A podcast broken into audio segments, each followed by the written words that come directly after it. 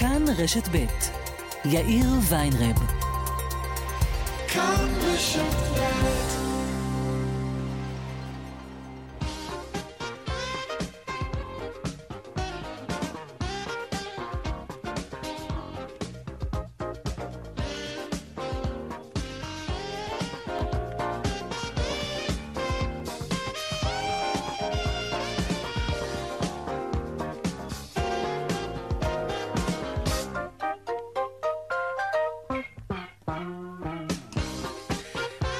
ארבע ועוד חמש דקות כאן צבע הכסף ברשת ב', העורך רונן פולק, בהפקה היום עמית כהן, טכנאי השידור דני רוקי, הדואל של צבע הכסף, אתם יודעים, כסף, כרוכית, כאן.org.il, אני יאיר ויינרב, מעכשיו עד חמש, אנחנו מיד מתחילים.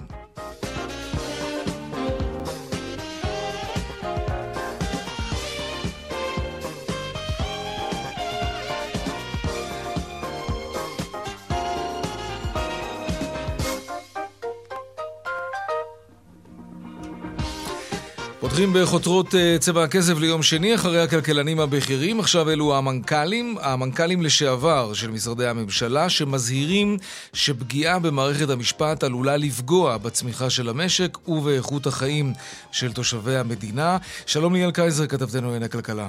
נכון יאיר, למזהירים מפני ההשלכות שעלולות להיות לרפורמה המשפטית שמקדמת אה, ממשלת נתניהו, מצטרפים היום עשרות מנכ"לים לשעבר של אה, משרדי ממשלה ושל גופים ציבוריים. מנכ"לית משרד האוצר לשעבר קרן טרנר, שאול מרידור, שהיה ראש אגף התקציבים ומנכ"ל משרד האנרגיה, מנכ"ל משרד האנרגיה לשעבר אודי אדירי, יוסי קוצ'יק, שהיה אה, מנכ"ל משרד הראש, ראש הממשלה, ועוד ועוד. הם כותבים, קיים חשש כבד שהחלשת אה, מערכת המשפט תוביל לפגיעה ארוכת טווח בתוואי הצמיחה של המשק ובאיכות החיים של אה, תושבי ישראל. מהצד השני, שר האוצר סמוטריץ' מגיב היום לדברים ואומר, כלכלת ישראל רק תתחזק. כתוצאה מהרפורמה. כן, עוד מעט אנחנו באמת נשמע גם דעות אחרות בעניין הזה. התקדמות של ממש באפשרות אה, לקבל את ישראל לתוכנית הפטור מאשרת כניסה לארה"ב, מהוויזה, לאחר שבשנה שעברה היה שיעור הישראלים שהבקשה שלהם לוויזה סורבה פחות משלושה אחוזים. עוד מעט נרחיב בעניין הזה, ננסה להבין עד כמה באמת קרוב הפטור מוויזה שמיוחל כל כך לארה"ב. שר החוץ אלי כהן כבר מעריך מתי זה יקרה, הנה. אני מעריך שכבר השנה יוכלו ישראלים לבקר בארצות הברית ללא צורך בקבלת ויזה מהשגרירות האמריקאית. סאגת הנת"צים של שרת התחבורה רגב, נתיב התחבורה הציבורית בכביש מספר 1, תל אביב-ירושלים, משתנה שוב בשבוע הבא.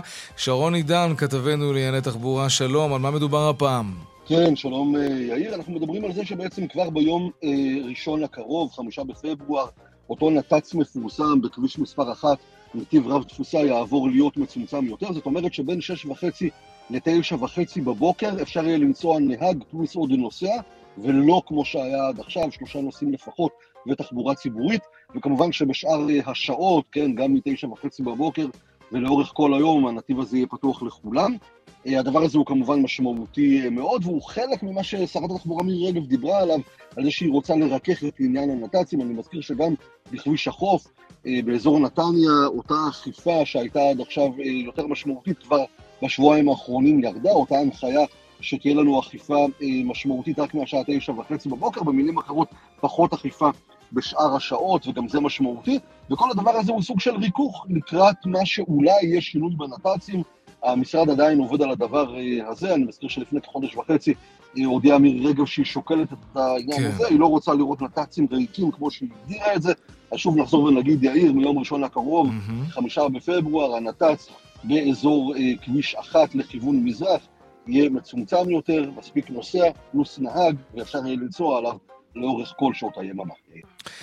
תודה רבה, שרון עידן, על העדכון הזה. ועוד בצבע הכסף בהמשך, נעסוק גם היום במה שמכונה אובר המוניות החרדי. חאפרים שעובדים במגזר החרדי אה, אוספים נוסעים, בתמורה לתשלום כמובן. נהגי המוניות זועמים ואומרים, אין להם רישיון למונית, הם לא משלמים מיסים, הם גוזלים לנו את הפרנסה. עוד מעט אנחנו נדבר על זה בהרחבה. וגם שיטת גולדה, מדוע המחיר של שני חצאי קילו גלידה גבוה יותר מהמחיר של קילו אחד בבת אחת? המשקל אותו משקל, המחיר שונה לגמרי, נדבר גם על זה ונזכיר כי היום התבשרנו שרשת הגלידות הגדולה אה, בישראל מעלה מחירים, וזה קורה בחורף. כן. והדיווח משוקי הכספים כרגיל לקראת סוף השעה. אלה הכותרות כאן צבע הכסף, אנחנו מיד ממשיכים.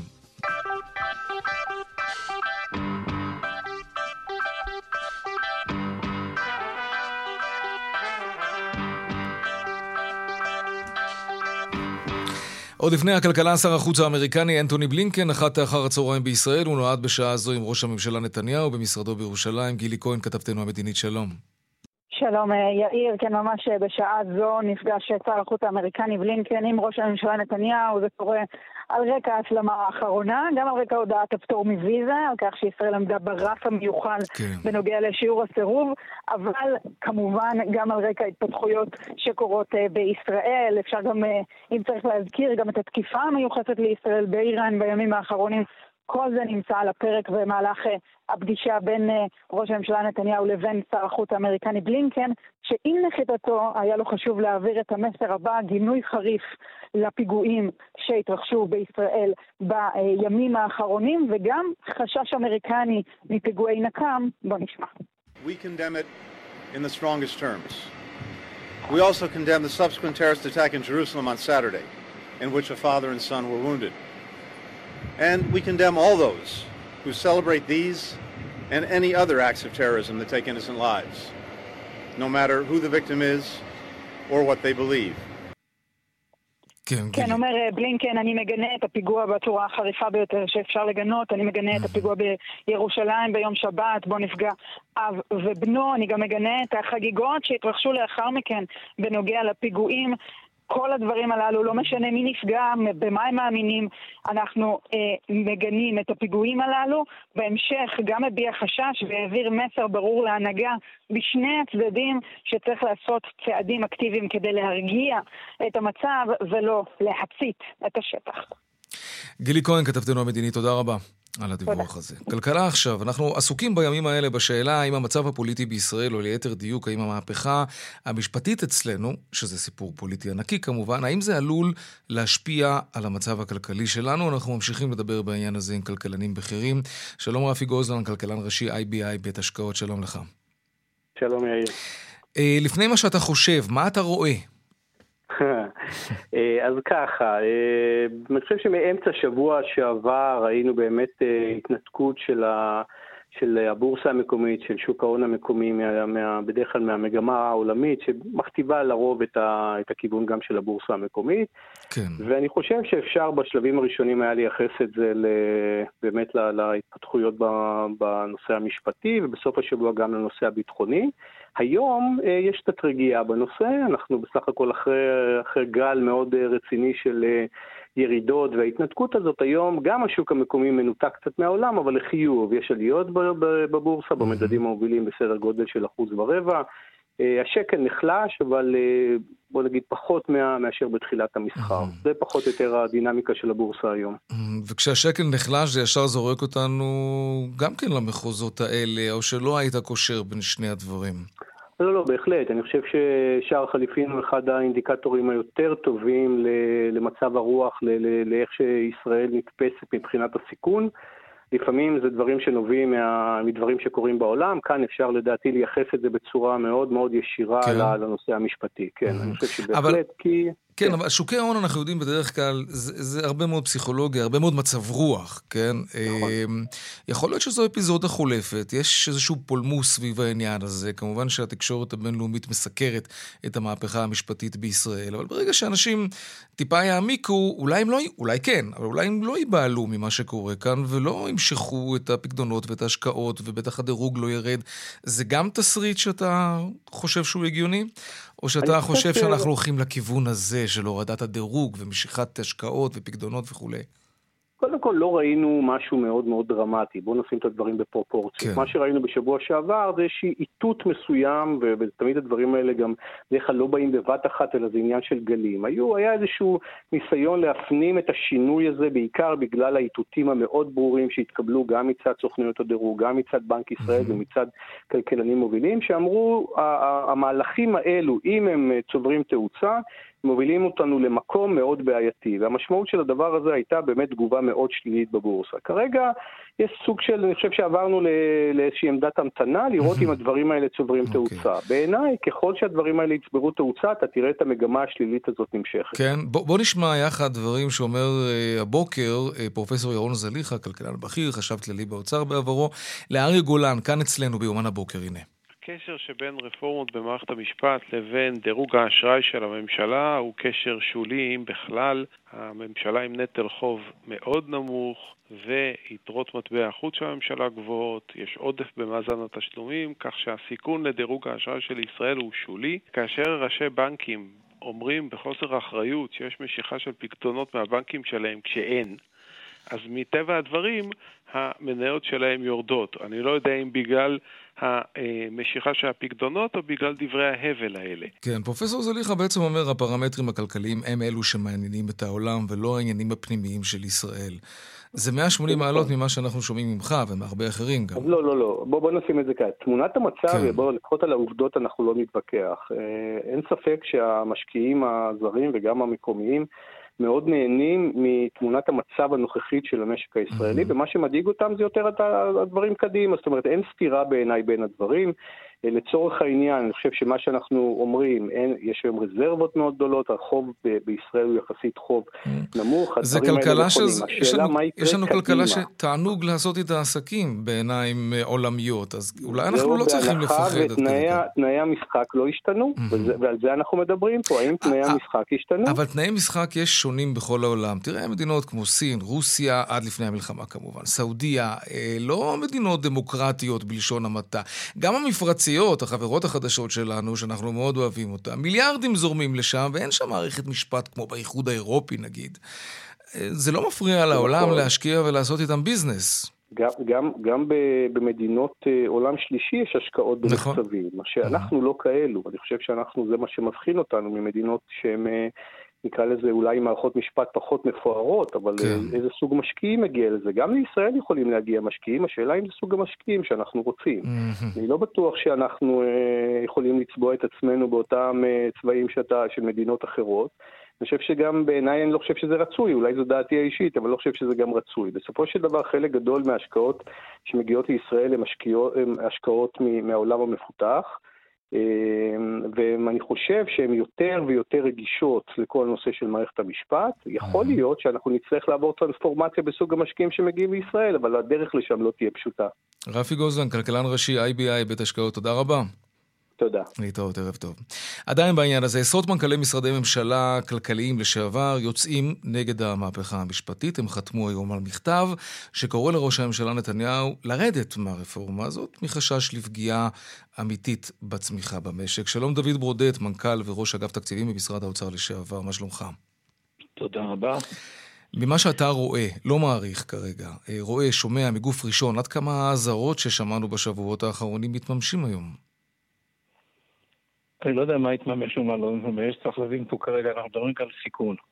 יש הבדל בין סיכון ובין סיכון שממומש. Mm-hmm. כרגע יש הצעות ממשלתיות שהן הסיכון. הן עדיין לא בוצעו ועדיין אנחנו לא יודעים מה יצא בסוף. אם זה יצא בדיוק כפי שהממשלה הגישה את זה כרגע, דהיינו בתצורה הנוכחית ובניסוח הדי קיצוני של היום, הסיכון כן. הזה ימומש, ואז אנחנו נראה תוצאות לא טובות. כך שמבחינה זאת אנחנו רואים איזושהי התייחסות שונה מגופים שונים. יש אנשים שאומרים בואו נראה את הסוף, יש אנשים שאומרים עצם העלאת רעיונות כאלה קיצוניים הם כבר בעיה. כלומר, ו... אתה, אתה חולק לפרופסור זליכה שאומר שמה שמעניין את העולם אלו הפרמטרים הכלכליים בלבד. יחס חוב תוצר, גירעון. תראה, בוא, בוא, אז אם כבר אנחנו מדברים על אה, ניתוח אנליטי, כן. מה שמעניין את העולם זה שלושה סיכונים לגבי מדינה. יש סיכון אחד שזה סיכון גיאופוליטי, זה השכונה שבו אנחנו גרים.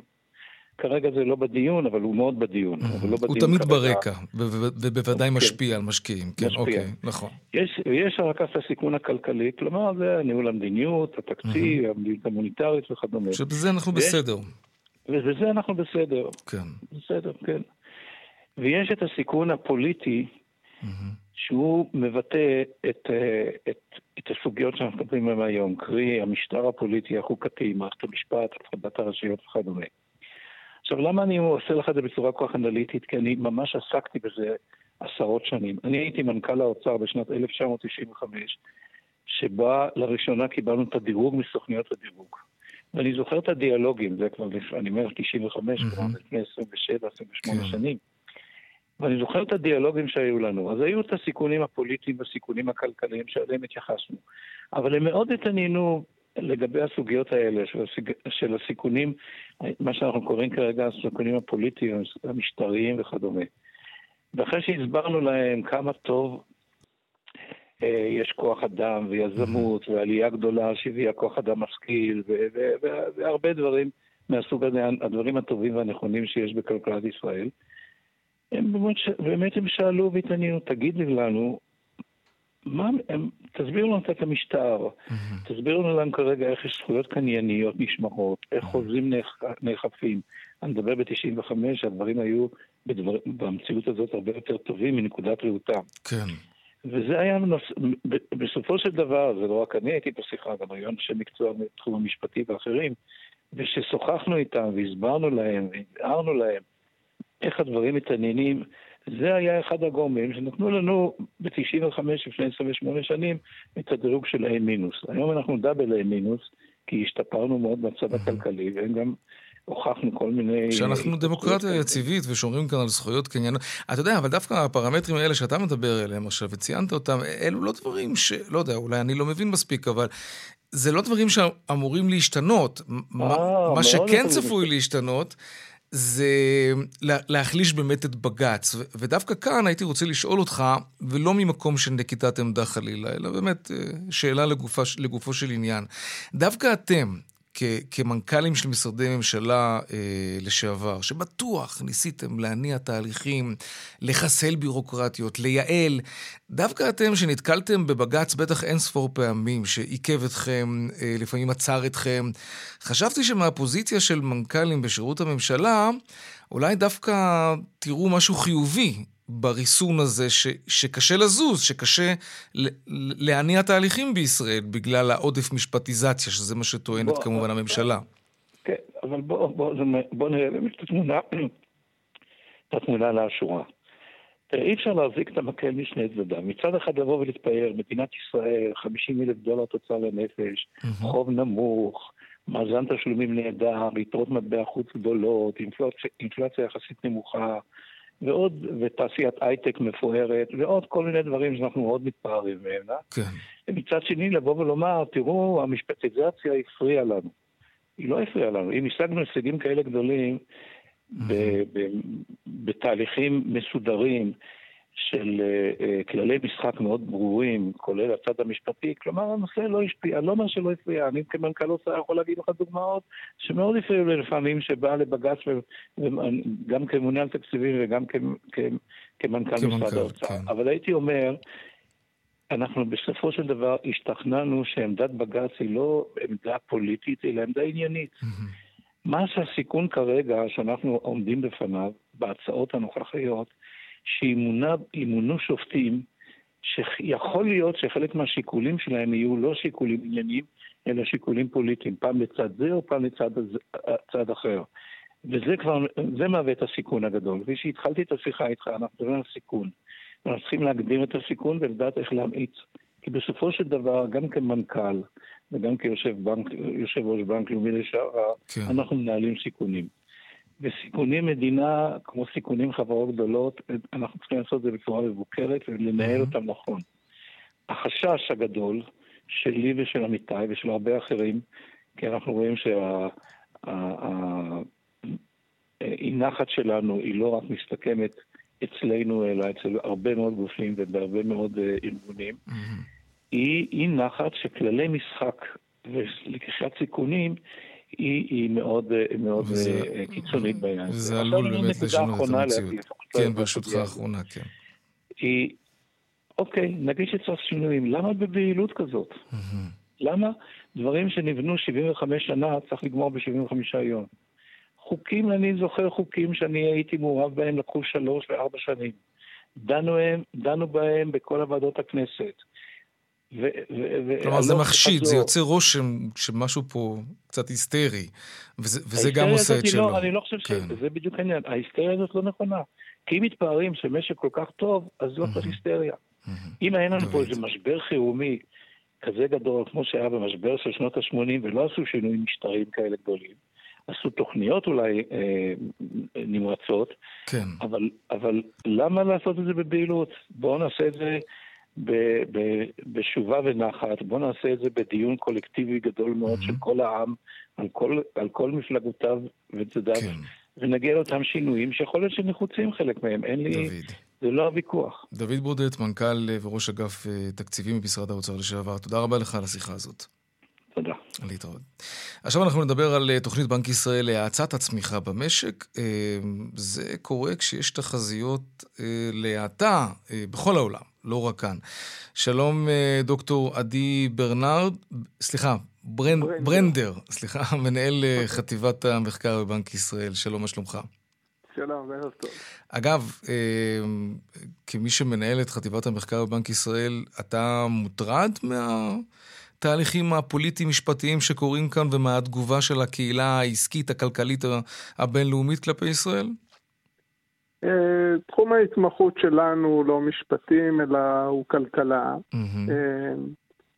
בהחלט כלכלה טובה מתבססת על מערכת מוסדית חזקה שכוללת עצמאות של המוסדות כמו בנק ישראל ומערכת משפט ומוסדות אחרים. מעבר לזה, זה לא תחום המומחיות שלנו. לא, אבל אחרי שאתה אומר דבר כזה, אם מערכת משפט מקבלת איזשהו זעזוע או רפורמה או מהפכה, כמו שנהוג לכנות את זה, אז, אז אתה מסכים שזה עלול להשפיע על כוחות כלכליים מעבר לים? האם בא להם לעשות איתנו עסקים או להיות מושקעים כאן?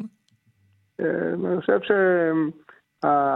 שמי שבוחן את המשק הישראלי בוחן את כל האספקטים שלו, וככל שהוא משתכנע שמצב המשק הישראלי הוא עמיד, שהמוסדות כאן חזקים, כך הרצון לעשות עסקים בישראל מתחזק ולהפך, אבל אני, שוב, אני באמת לא איש משפטי כן. שיודע להעריך רפורמה ספציפית אז... ועד כמה היא תורמת יותר או פחות אז בוא נדבר באמת על מה, ש...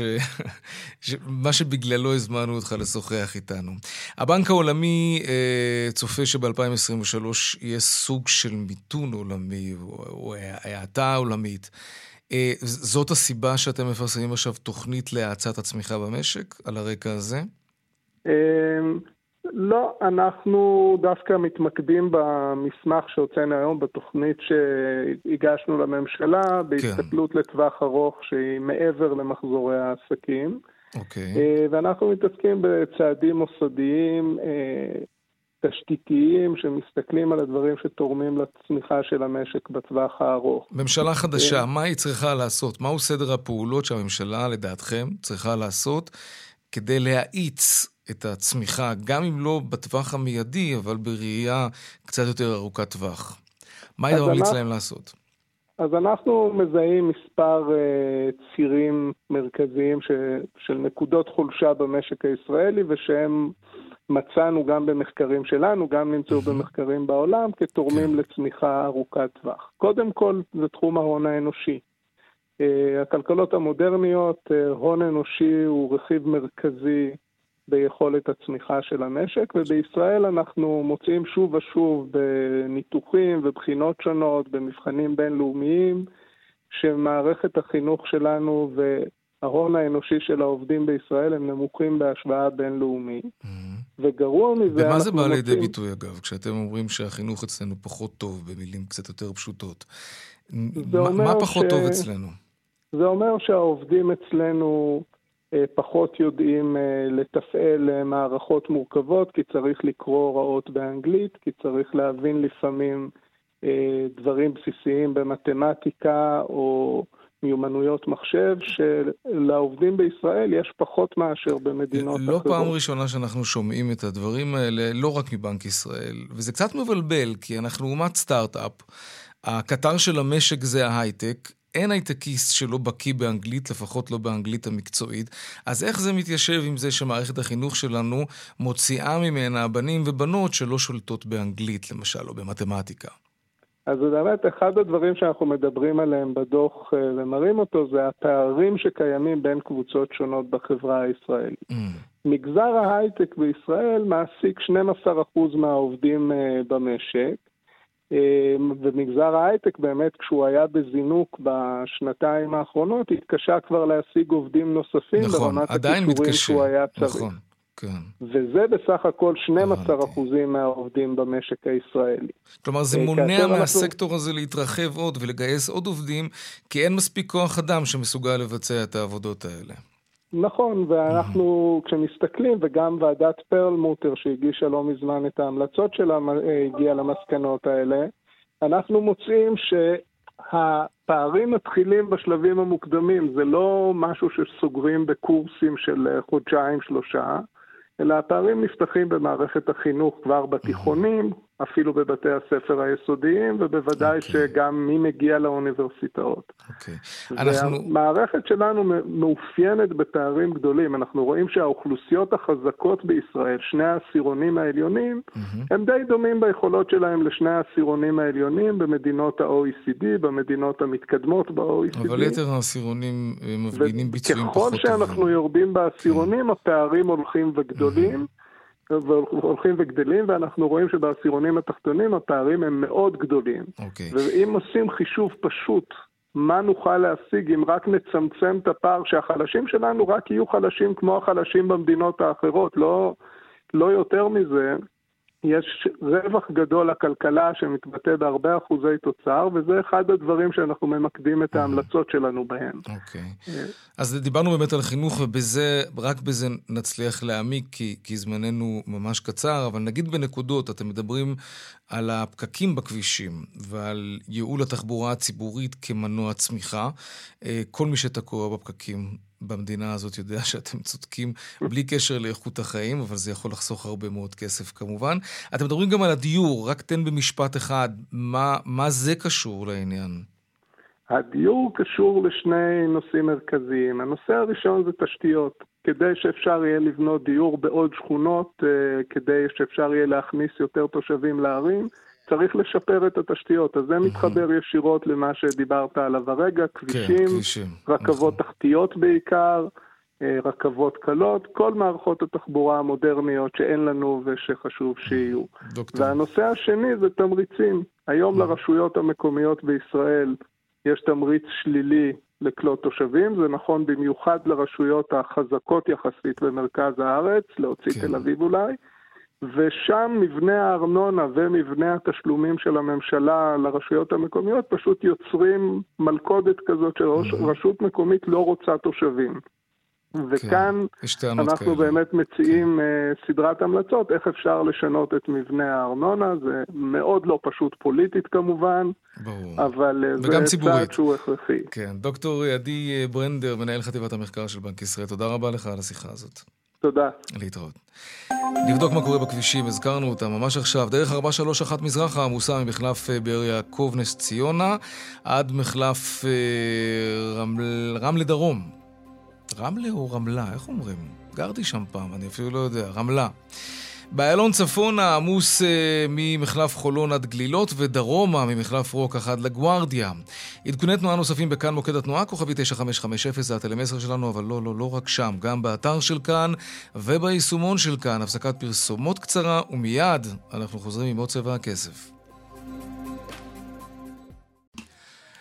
וכאן גם צבע הכסף, ארבעה ועוד שלושים ושש דקות בדיוק. כן, טוב, היום ועדת הכלכלה של הכנסת דנה אה, במחירי החלב, ובדיון התברר שמחירי מוצרי החלב שבפיקוח עומדים גם הם לעלות בשיעורך. דנה ארקצי, כתבתנו לענייני כלכלה, שלום. שלום יאיר. נכון, אה, הדיון הזה בכלל, אה, אה, מטרתו הייתה לנסות לחשוב על דרכים איך להוריד את מחירי החלב בישראל. שם התברר ליושב ראש ועדת הכלכלה דוד ביטן כי במאי, על פי הסכם עם מועצת החלב, יש פעימה נוספת להעלאת מחיר החלב. אלא שנציגי הרפתנים הודיעו כי ההתייקרות תהיה לא פחות משיעור של 16%. בואו נשמע את הרגע שבו מבין דוד ביטן איך מחיר החלב הולך לקפוץ בחודש מאי. הנה. הגידול יהיה גידול משמעותי במחירים, כפי ש... כמה יעלה? 15 אחוז. 16 אחוז, 15 כמעט 16 אחוז. זאת אומרת, מה שאתם אומרים, שמחיר החלב וזה יעלה ב-16 אחוז? מה ההבדל בין מחיר החלב כמוצר לבין הדלק? שיש עלייה גדולה מאוד של הדלק בעולם, אז אתם נתתם הנחה במיסים לצורך העניין. למה אי אפשר לעשות את זה בחלב? כן, אז אה, דוד ביטן שואל למה אי אפשר לעשות את זה בחלב? שאלה מההסכם, שאלתית, כן. כחלק מההסכם, היינו אמורים אה, לראות פעימה נוספת בעליית אה, מחירי החלב, כמו שראינו עד לא מזמן במחירי הביצים. זה גם היה בהסכם שעשו בענף הלול. דוד ביטן שואל, מבקש התייחסות מנציג האוצר, גלעד אה, קצב איך אה, אפשר לעצור את ההתייקרות הזאת, והוא אומר, אנחנו מודעים לעלייה הצפויה במאי, המספרים לא מדויקים, עשינו צעדים כמו ביטול מכס על מוצרלה וחלומי, ויעשו mm. צעדים נוספים. סמנכ"ל משרד החקלאות אה, אה, הוסיף כי הרפתנים הסכימו להוריד 2 שקלים ו-25 אגורות ממחיר המטרה למשך שנה. הדבר יובא בקרוב לאישור הוועדה, והוא עוד אמר כי הפתרון לעלייה הקרובה יכול להיות הלוואה מתקציב המדינה עד שירדו מחירי התשומות שעלו בעקבות המלחמה באוקראינה. צריך להגיד שבישראל, וכבר אה, אה, דנו על זה בוועדת אה, הכספים, זאת המדינה שבה משרד האוצר נותן תמיכות, אבל תמיכות עקיפות ולא תמיכות ישירות לרפתנים, כדי באמת לסייע להם להוריד את מחירי החלב. אז מצד אחד, אתה יודע, מאוד רוצים אה, להוריד את המחירים, ומצד שני, אה, באוצר מעדיפים להימנע מלתמוך באופן אה, ישיר ברפתנים, והנה התוצאה... כי לא יהיה לזה סוף, אני מכיר את הראש שלהם. הם יודעים שלא יהיה לזה סוף, כן. כן, הנה התוצאה, ואז מגיעים בכלל לדיון אחר, אה, למה מחיר החמאה אה, אה, עולה? אנחנו פתחנו ליבוא חופשי, חשבנו שהמחיר יוזל, בפועל הציבור משלם 40% יותר עבור החמאה. בואו נשמע את רון כץ, חבר הכנסת מיש עתיד, מתייחס לעניין. הנה. הורידו לכם את המכסים, ואתם מוכרים יותר יקר בסוף לציבור הישראלי, מדברים על יוקר המחיה, אתם לוקחים פי שתיים. זה לא, לא הגיוני הדבר הזה, וזה צריך להיות הדבר, שלא תמיד הפחתת מכסים מורידה את המחיר. מי שרוצה נכון, לשלם יותר, מי שרוצה לשלם יותר יקנה גם קוויאר שחור, אבל זה לא הדיון. הדיון פה עכשיו זה על חמאה, חמאה מול חמאה, הורידו מכסים, הורידו מכסים להוריד את יוקר המחיה. בוא, אל תלמד אותי על שוק פתוח, אני עושה את זה פה הרבה שנים, אני עברתי, יש לנו דרך. כן, אז אתה רואה כן. מצד אחד משרד האוצר שלא תומך באופן אה, אה, ישיר ברפתנים כדי אולי להוזיל את, אה, את, המחיר, את מחירי החלב. מצד שני, הנה, פתחו את היבוא ומאפשרים, ועדיין המחירים, המחירים של המוצרים כן, אה, עולים. יקרים, יקרים ולא יורדים. אז כן. הנה, יש שתי בעיות שיושב ראש ועדת הכלכלה יצטרך לפתור כשהוא רוצה להוריד את מחיר החלב. דנה ארקצי, כתבתנו לענייני כלכלה, תודה רבה. תודה. שלום רונן פולק. אהלן יאיר, מה נשמע? בסדר, מי הרגיז אותך היום? אה, בואו נעשה תרגיל בחשבון. טוב? אה, אוקיי. כמה זה חצי של 102? 102. שקלים? האמת היא זה לא משנה, 51 שקלים, לא, רק בשביל שהעברית תהיה תקנית. כן, כן, בדיוק. אוקיי, החצי של 100, 102, 102 שקלים, כן. 51. לא. התשובה היא 60. עשיתי לי התקפת לב לרגע. כן? אה, בוא ננסה שוב. כמה לא. זה חצי של 108 שקלים? אוקיי, טוב, אני מבין שיש פה איזה פואנטה. כמה זה חצי של 108 שקלים? בטח תגיד לי שלא 54 שקלים. נכון, 66 שקלים. בוא נעשה אוקיי. את זה ממש כמו שהיינו תלמידים, בסדר? אוקיי. ליאיר יש מעדניה שבה הוא מוכר רק צ'ונט. אוהב צ'ונט. אתה אוהב, נכון? כן, ידעתי, כן. אוהב. זה, תשמע, אמנם לא חורף. יש פה למטה, אגב, מה, אבל... אה, מסעדה שמוכרת שונט רק בימי חמישי. עם כל, ה... וואו, עם כל הקישקה? מדהים, עם הקישקה. אתה יכול לבקש, לא, אתה קונה את זה בנפרד, את הקישקה. כן. וזה טוב. סליחה ממאזיננו הטבעוניים והצמחוניים, זה מעולה. כן, אוקיי. איזה פרסומת עשית פה לצ'ונט. לא, לא אמרתי מה השם של המסעדה, זה לא פרסומת. אה, אני דווקא דיברתי על הצ'ונט של יאיר, אה, אבל טוב, נגיד ככה, אוקיי. יאיר מוכר קילו צ'ונט ב-102 שקלים. אוקיי. אוקיי, אני קניתי חצי קילו צ'ונט, ואז הוספתי עוד חצי קילו. כמה סך הכל קניתי וכמה אני אשלם? קילו 102. נכון. כן. לא. מה לא? 102 שקלים לקילו. לא, 122 שקלים. כי חצי קילו, אז אמרתי לך, עולה 60 שקלים. אה, 60 שקלים, אז שני אוקיי. חצאים עולים 120 שקלים. סיבכת אותי. תגיד לי, מה, מה, מה, יש שורה תחתונה לשיחה הזאת בוא בינינו? נקרא, ל... בוא נקרא לשיטת החישוב הזאת שעשיתי עכשיו, שיטת גולדה. אוקיי. למה גולדה? אי אפשר, אכלנו צ'ונט עכשיו. מה אתה הולך לגלידה? טוב. לפחות תחכה שלוש שעות. הזמנתי גלידה פרווה, בסדר? די. תשמע, אוקיי. היה סוף שבוע חם, נכון? כן. ועם כל הכבוד לצ'ונט שלך, ואני באמת אוהב את הצ'ונט שלך, אני דווקא רציתי גלידה. אוקיי. אז קפצתי לאח- לאחד מסניפי רשת גולדה אה, ברחובות, וקניתי קילו גלידה. ביקשתי שני טעמים, אחד שוקולד בלגי, כי הבן שלי, אתה יודע, הוא מאוד אוהב שוקולד זה בלגי. מעולה, נכון. כן. וטעם נוסף, מנגו. אה, מנגו. לא, לא, מנגו, אה, כי הבנות אוקיי. שלי מאוד אוהבות מנגו, נו. ואז ביקשתי דבר נוסף, שיפרידו לי את הקופסאות, כדי שלא לערבב את הגלידה החלבית עם הסורבה מנגו שהוא פרווה. נכון, אנחנו שומרים. חצי וחצי. כן. אבל אז המחיר קפץ ל-135 שקלים.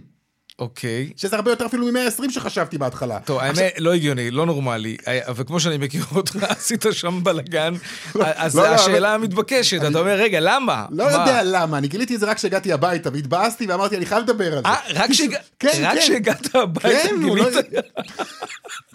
אחי, לא אתה. מה? אתה קורא, מה, לה, מיהרתי, אתה יודע, ערב שבת, היה. צריך- כן. בקיצור, המחיר של קילו גלידה הוא 102 שקלים. כן. אבל אם אתה לוקח אותו בשני חצאים, ככה אני מבין, לפחות אתה משלם יותר, אתה משלם 120 שקלים או 135 שקלים במקרה הזה, זה היה בסניף שבו אני ביקרתי, אבל המחירים משתנים מסניף לסניף. והמכנה המשותף לכולם, המחיר של שני חצאי קילו הוא הרבה יותר מקילו. תשמע, זה מרתיח. נכון, ואני סיפרתי, לי, רגע, רגע, מה, מה? מה, חצי מנה פלאפל? היא לא- היא לא זה עולה בדיוק אותו- כמו חצי אל מנה. אתה מאלה שמשווים, זה לא זה לא דומה. למה לא דומה? כי למה? בפלאפל- תתנפל גם על האלה של לא, כי הפלאפל. בפלאפל יש לך איזושהי גבעה שם מעל החצי מנה, שמייצרת הרבה יותר חומר. ובגלידה אין, אוקיי. חצי קילו זה חצי קילו וקילו זה קילו, שני חצאים זה- זהו, אין- אין דרך להתחמק מזה, אל תספר לי את הסיפורים של החצי מנה. אני לא- אני לא מאמין שאשכרה קנית את הטיעון הזה של הגבעה מעל החצי מנה. אתה יודע כמה חומר זה עוד? זה עוד שני כדורים לפחות. טוב. של פלאפל. טוב. אתה יודע מה, אתה מופתע. לא, לא, בסדר, לא. אוקיי, אבל אני סיפרתי את הסיפור הזה גם לתחקרנית המערכת שלנו, לעדן, כן. והיא לא האמינה לי. היא ממש לא האמינה לי. היא עד כדי כך לא האמינה לי, כן. שבאותו רגע רגע, היא פה, בוא בוא נצרף אותה. עדן. לא, לא, רגע, למה? שנייה, למה אתה מצרף אותה? שבי. נשמיע גם, שבי. נשמיע גם את, ה, כן. את הדברים שהיא היא התקשרה, ממש, התקשרה התקשרה. לגולדה, כי היא אמרה, לא, לא, לא, רונן, אתה עובד עליי, אוקיי? אוקיי. היא התקשרה, ותראה מה אמרו לה. קדימה. לפני- כמה ימים אני עושה איזה מסיבת יום הולדת ורציתי להזמין כמות גדולה ורציתי שיחלקו לי את זה, שיהיה לי אחד פרווה ואחד חלבי ואז אמרו לי שאם מחלקים לי את זה לחצי זה יוצא לי יותר כסף כי זה חצי וחצי נכון, וחצי חצי. למה? אבל למה זה- למה זה הגיוני? כי זה קופסה בנפרדת, זה קופסה נפרדת. יש לך בן אדם שאורז לך את זה, את מקבלת כל דבר בנפרד, מקבלת גביעים בנפרד, מקבלת הכל, את יודעת. זה הכל משתנה. האריזה, הכל. אבל אם זה בדיוק אותו, אותו משקל מה זאת אומרת? זה לא אותו משקל, זה לא יכול זה להיות אותו חצי משקל. וחצי חצי וחצי, וההוא זה קילו. אבל זה שתי קופסאות נפרדות פה. אז יש לך פה הנחה על כל קופסה של שתי שקל. הבנת? זה, זה הכל שונה, זה הכל משתנה. הכל שונה, גם מערכת המשפט משתנה, כשאתה מחלק את הגלידה לחצי וחצי. לא, זה לא יאומן. ההסבר הזה עוד יותר, עכשיו אני בכלל, כשאני שומע את ההסבר הזה, אני עוד יותר בשוק. אני עדיין בשוק מזה שאתה לא שמת לב לזה רגע, במעמד הקנייה. לעדן שנייה, היא שמעה את זה. כן. לא, יש... זה, אנחנו הבנו... זה ידוע שחצי ועוד חצי. רגע, בוא נפתח לך את המיקרופון. אוקיי, כן. תסלחו לי. הנה. אוקיי. זה ידוע שחצי קילו ועוד חצי קילו לא שווה קילו. זה ידוע הרי, למה אתם מופתעים כל כך? לא יודע, לי זה... אותי מעניין אם הטעם הוא אותו טעם. תשמע, אה, לא, באמת. זה אבל הם מס- אמרו לזה עוד דברים, הם אמרו גם שצריך עוד נראה לי שאת צריכה לדבר. למיקרופון מספר 4. אוקיי. או, אה, אה, איך אני? צריך זה, עוד כפית, נכון? צריך עוד קופסה! עוד קופסה ועוד אה, גביע, נכון? כי פה נותנים לך מארז גביעים. ומישהו שיארוז. וואי, כן. וואי. אה, טוב, מה אני אגיד לך? מה אה, תגיד לי? בוא נשמע מה אומרים בגולדה. זה לא, זה, זה לא הגיוני, אני, אני מסכים. זה, זה סיפור מקומם. נכון. בוא, בוא נשמע אותו עוד פעם. כן, אוקיי. מה, ממש לא. תשמע, הוא היה נעשה- הוא היה ניסר, נעשה- הוא אני סיפר את זה והוא היה ניסר. אני מחר אלך לבדוק גם את הבייגל, איך זה נקרא? אה, אה, יש עוד טעם, נכון שאמרת? יש מלא טעמים, אה, אל תעשה להם פרסומת לא, לא, עכשיו. לא, אגב, לא, הנה, הנה, עוד פרסומת, רוצה לשמוע? רק היום, בעודנו מדברים על האייטם הזה, כן. הם העלו את המחירים. כן. העלו בעוד אה, שקל או שניים. שמע, חומרי הגלם התייקרו, השינוע התייקר, החשמל, את המים, מה קורה לך? אתה יודע מה אתה צריך בשביל לייצר גלידה? כן. טוב, בוא נגיד לך, אה, מה כן. אומרים ברשת גולדה? ככה. כמקובל בענף הקמעונאות, ככל שמארז גדול יותר, המחיר לצרכן עבור כמות נתונה פוחת. המחירים שצוינו בפנייה בחלקם אינם מדויקים. מחיר גלידה במשקל בסניף הוא 102 שקלים עבור קילו גלידה, ו-60 שקלים עבור חצי קילו. אוקיי, זה לא מה שאמרנו? פחות או יותר? כן. כן, זה מה שאמרנו. זכייני הרשת קשובים לבקשות של הלקוחות המבקרים בסניפים, ולמיטב ידיעותינו נענים לבקשות אלה ככל הניתן. אם אני מבין נכון עכשיו, כשאתם הולכים ומבקשים שיפרידו לכם את הקילו לשני חצאים, הם יהיו קשובים לבקשות שלכם. נכון? זה מה שאני מבין מהתגובה הזאת. כן. כי בגולדה כן. מאוד קשובים. ת- תזמין קילו, ואז תגיד, אכפת לך להביא לי פה איזה קלקר ריק, רק שנייה אחת כזה? עכשיו תביא לי רגע את הכף הזאת, תעשה את זה בעצמך, תחסוך אגב, כמה הם שקלים. טוענים נכון. אתה מת על זה. יש גם, יש את העלות של הקלקר, נכון? הם כן. כותבים בפירוש, העלות של הקלקר היא שני שקלים. אוקיי, תוסיפו את העלות של הקלקר. עדיין לא הגעתם נכון, לפער. לפער המטורף הזה. אבל הכל היה נפתר אם רונן היה קשוב לקבלה. נכון, וזה. הכי לא מתאים לו בעולם. אני רוצה לשמוע... אני בהלם לא, מזה. לא, לא, אני רוצה קצת נוסטלגיה עכשיו. שימו לי כן. נוסטלגיה קצת. יואו. אה? בא לי לראות עכשיו רגע עם דודלי כזה, הבית של פיסטוק, זה אני, מפעם. אני, מדמיין את עצמי עומד שם בקומה הרביעית בבית של ההורים שלי, ואני שומע את המנגינה הזאת, ואני כן. רץ למטה ארבע קומות, ו... איך כן, היו- גם אני הייתי רץ. סנוקרסט, זוכר את סנוקרסט? כן, אתה זוכר את המקלות? ויטמן. היית מסתכל על המקלות ו- ו- והיית מקווה שתזכה באיזה טיול מסביב לעולם. אתה זוכר? היו פרסים על המקלות. אתה לא כן, זוכר כן, את זה? כן, נכון, נכון. כן, כן. נכון, היו כן. דברים כאלה. זכית פעם? בארטיק נוסף. לא. לא נראה לי שבאמת היו טיולים מסביב לעולם. רונן פולק, תודה. תודה. אגב, אתמול עסקת כאן בהרחבה בתופעת הדרייברים במגזר אה, החרדי. מה זה דרייברים? אה, זה בעצם נהגים שמסיעים בתמורה לתשלום אנשים מתוך המגזר החרדי. הטלפונים שלהם אה, עוברים מפה לאוזן, גם מופיעים על כל מיני מודעות בתוך השכונות של המגזר, וזה מאוד מאוד מרגיז את נהגי המוניות. בואי, אה, עדן בן שלוש, אה, תחקירניתנו, והתחקירנית של משחקי הכיס כמובן, בכאן 11. אה, זה, זה, זה מאוד מרגיז את אה, נהגי המוניות, וגם יש לנו עכשיו גם קצת קולות מהשטח, מה שנקרא. זה הרגיז אותם ברמה שאני בכלל לא ציפיתי אליה. רונן תחילה, הוא אמר, אני אביא את המספר שלך לכמה נהגי מוניות, והם הוסיפו אותי לקבוצה של המאבק. ומסתבר שיש גם אה, לוביסטית קבוצת הזה. וואטסאפ כזו. קבוצת וואטסאפ. כן. אה, וגם, אה, מסתבר שזה לא דבר שקיים רק במגזר החרדי, יש גם את העניין הזה בבאר שבע, של אה, יותר אה, עניין הבדואים שם.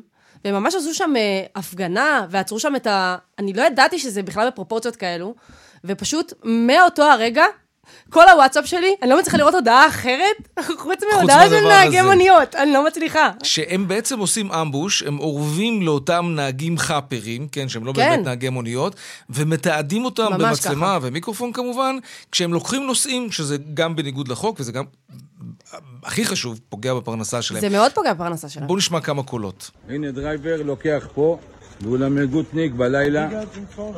הנה הדרייבר שלוקח. מה שלומך? אתה מרגיש טוב? מרגיש טוב, אתה היום תגיע למשרד התחבורה בהבטחה שלי. אסור לו לקחת נוסעים, זה סיכון. בוודאי אין לו ביטוח. מה זה בעיה שלך? תעלה פה שלושה, רק שלושה. הוא מפריע בפרנסה של המוניות. אני לא מכיר אותו בכלל. אתה לא צריך להכיר אותי, אתה-. אותי, אתה אותי לא צריך להכיר. אתה תכיר משרד התחבורה. כן, עדן, זו, זו דוגמה אחת של נהג מונית, ש, שזה פשוט משתגע מהעניין הזה, והאמת, שמעבר לזה שהפרנסה שלהם נפגעת, אה, זה צריך להטריד לא רק אותם, נדמה לי, נכון? כי מי שנכנס למונית חאפרית כזאת, אה, הוא, הוא לא מבוטח, זה, מונית אני זה עסק. מניחה שזו- שזו- כן, שזו בעיה רצינית. כן. אם אין להם רישיון לעסוק בזה, אז ברור שיש בעיות של ביטוח. זה לא, זה, זה הבטוח. אבל זה די נעשה בצורה, זה נעשה בצורה הכי חאפרית בעולם. אה, מעבר לזה... עד שחלילה יקרה משהו, עד שחלילה... פתאום. עכשיו, אני אגיד לך מה העניין. אני מדברת עם משרד התחבורה, אין תגובה. כבר יומיים אין תגובה ממשרד לא- לא התחבורה. מגיבים על התופעה לא מגיבים. הזאת. עכשיו, מעבר למשרד התחבורה, מה עם רשות המיסים? בוא נצרף אה, לשיחה שלנו את גוצ'ה נבון, נהג מונית מבאר שבע, שלום. שלום לכם, אחר צהריים טובים. שמע, היום לנסוע במונית זה לא דבר כזה זול, אם אפשר גם להגיד לכם את זה ככה, אתה יודע, באופן אסרטיבי. אה, ואולי זה מה שיוצר את המציאות האלטרנטיבית הזאת. האמת, אני מצדיק אותך, הרבה יותר קל, אה, ערב טוב לכולם, הרבה יותר קל לנסוע עם מונית פיראטית, שאתה לא יודע אם לנהג יש רישיון, ביטוח, כל אחד, השם הורה על רוחו לוקח את האוטו של אבא שלו, של סבתא שלו, האוטו, לא יודע, הוא קונה באיזה מחיר, ועובד איתו בלי שום הוצאה מוכרת, בלי שום דבר. מי יודע מי זה הבן אדם? הוא עשה איזשהו קורס, הוא עשה את זה, ודאי שהוא ייקח לך מחיר זול. היום, רק שתדע לך, קודם כל הגברת אמרה שמדובר בבדואים, זה לא בדואים, זה גם בדואים, זאת אומרת מכולם, מכל המגזרות, מי שרוצה היום עולה על מונית, עולה על רכב פרטי, מתחיל לעבוד. ותאמין לי, אני מקבל הזמנה בשעה, הוא מקבל ארבע הזמנות בשעה. אם אני אתן לך לראות מה שהולך שם בוואטסאפ, אם אתה רק רושם מונית, קופץ לך 100 מוניות. רק מה- כמה, לאן אתה רוצה, ואחד מתווכח עם השני במחיר. אני הבנתי שהייתה לך ממש? בבאר שבע ממש אה, הפגנה שם, הפגנת כוח למול הדבר הזה. עשינו הפגנת כוח, ולמה? קודם כל עשינו את זה לא פעם ראשונה. אף אחד לא יכול להגיד במשרד התחבורה או התקשורת שלא ידע. זה מופיע ביוטיוב, זה מופיע בסרטים בפייסבוק, זה מופיע בתקשורת, זה מופיע בכל מקום. לא נעשה עם זה שום דבר. אממה, עם השנים, כבר עשר שנים, זה כמו סרטן גרורות. הלך, הלך, הלך וגדל. והיום הם עובדים מהבוקר עד הלילה, ויש משמרות צהריים, משמרות לילה, משמרות בוקר. דרך וואטסאפים, כל איזה בחור צעיר שפותח מין קבוצה כזאת, משלמים לו 500 שקל בחודש והוא מספק לך עבודה מכל הכיוונים. לא, זה, זה זה, מדהים. תגיד, מישהו אוכף את זה? אתם, נהגי המוניות, יש לכם לובי כזה חזק, הצלחתם לעצור את אובר אנחנו- שרצו אנחנו להגיע נהגי לישראל. המוניות, נו. שומרי חוק, אנחנו לא רוצים להתנהג באלימות. לא, אנחנו מה פתאום פועלים אלימות? אבל יש לכם לובי חזק. כן, נו. אנחנו הגשנו בקשות למשרד התחבורה, ו? ליושב ראש שלנו שהיה, קוראים לו יהודה ברור, הגשנו לו מלא צילומים כמו שעכשיו אתם שומעים Mm. ורואים. כן. עשינו על זה כתבה בטלוויזיה, לא נעשה עם זה שום דבר. איפה משרד התחבורה? איפה כל, כל הנוגעים בדבר? איפה המשטרה? מי יודע מי לוקח את הילדה הזאת בת ה-16? במקרה הכי גרוע זה תאונה חלילה קטלנית, יש ביטוח?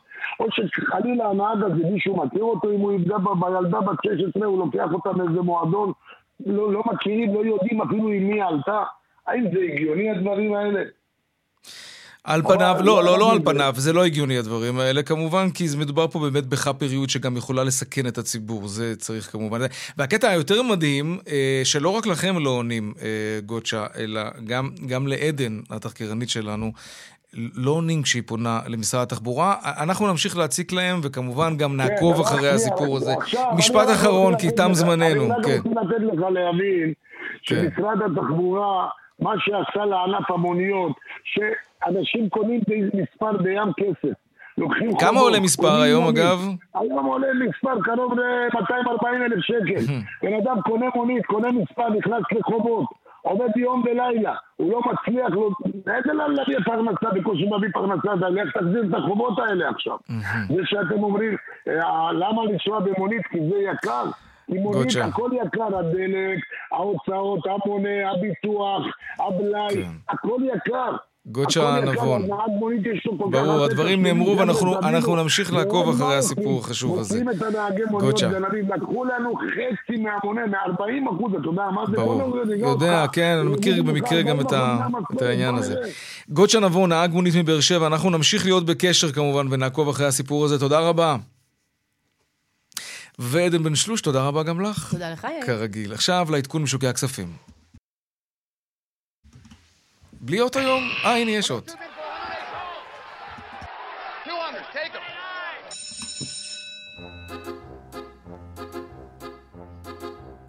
שלום ליאור וקס, מנכ"ל אינפיניטי ניהול תיקי השקעות. מה שלומך? מה שלום השווקים? שלום יאיר, צהריים טובים. אז uh, אצלנו uh, המסכים ירוקים, ירוקים מאוד. Uh, תל אביב 35 עולה בשיעור של אחוז ושבע עשיריות, המאה 25 עולה בשיעור של אה, אחוז ושש עשיריות, תל אביב 90 אחוז 30, ומדד הבנקים שמככב בימים האחרונים רושם עלייה בשיעור של אה, שלושה אחוז היום. אז אה, כן, ירוק. אצלנו הדולר כן. ממשיך את המגמה שלו, mm-hmm.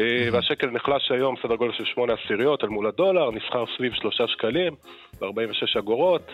גם אל מול היורו השקל נחלש בערך באחוז ונסחר סביב 3 שקלים ו-78 אגורות. כן. ומעבר לים, ארה"ב פותחת דווקא בירידות, שוב, מגמה הפוכה אלינו. Mm-hmm. מדד ה-S&P רושם ירידה של חצי אחוז, הנאסד"ק אחוז. זהו. נסתפק בזה, ליאור וקס, מנכ"ל אינפיניטי ניהול תיקי השקעות, תודה רבה לך וערב טוב. תודה לך, ביי ביי.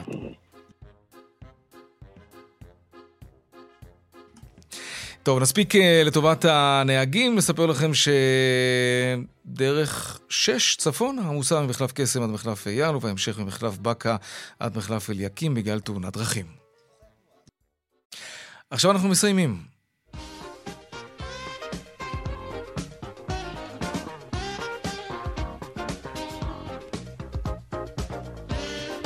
עד כאן צבע הכסף ליום שני, העורך רונן פולק בהפקה עמית כהן, טכנאי השידור דני רוקי, טכנאי אה, בתל אביב, אמיר שמואלי, במוקד התנועה יהוד כהן, בופון וחגית אלחייני. מיד אחרינו בנימיני וגואטה, אני יאיר ויינר, משתמע כאן שוב מחר בארבעה אחר הצהריים, שרון עידן יהיה כאן מחר, ערב טוב ושקט, שלום שלום.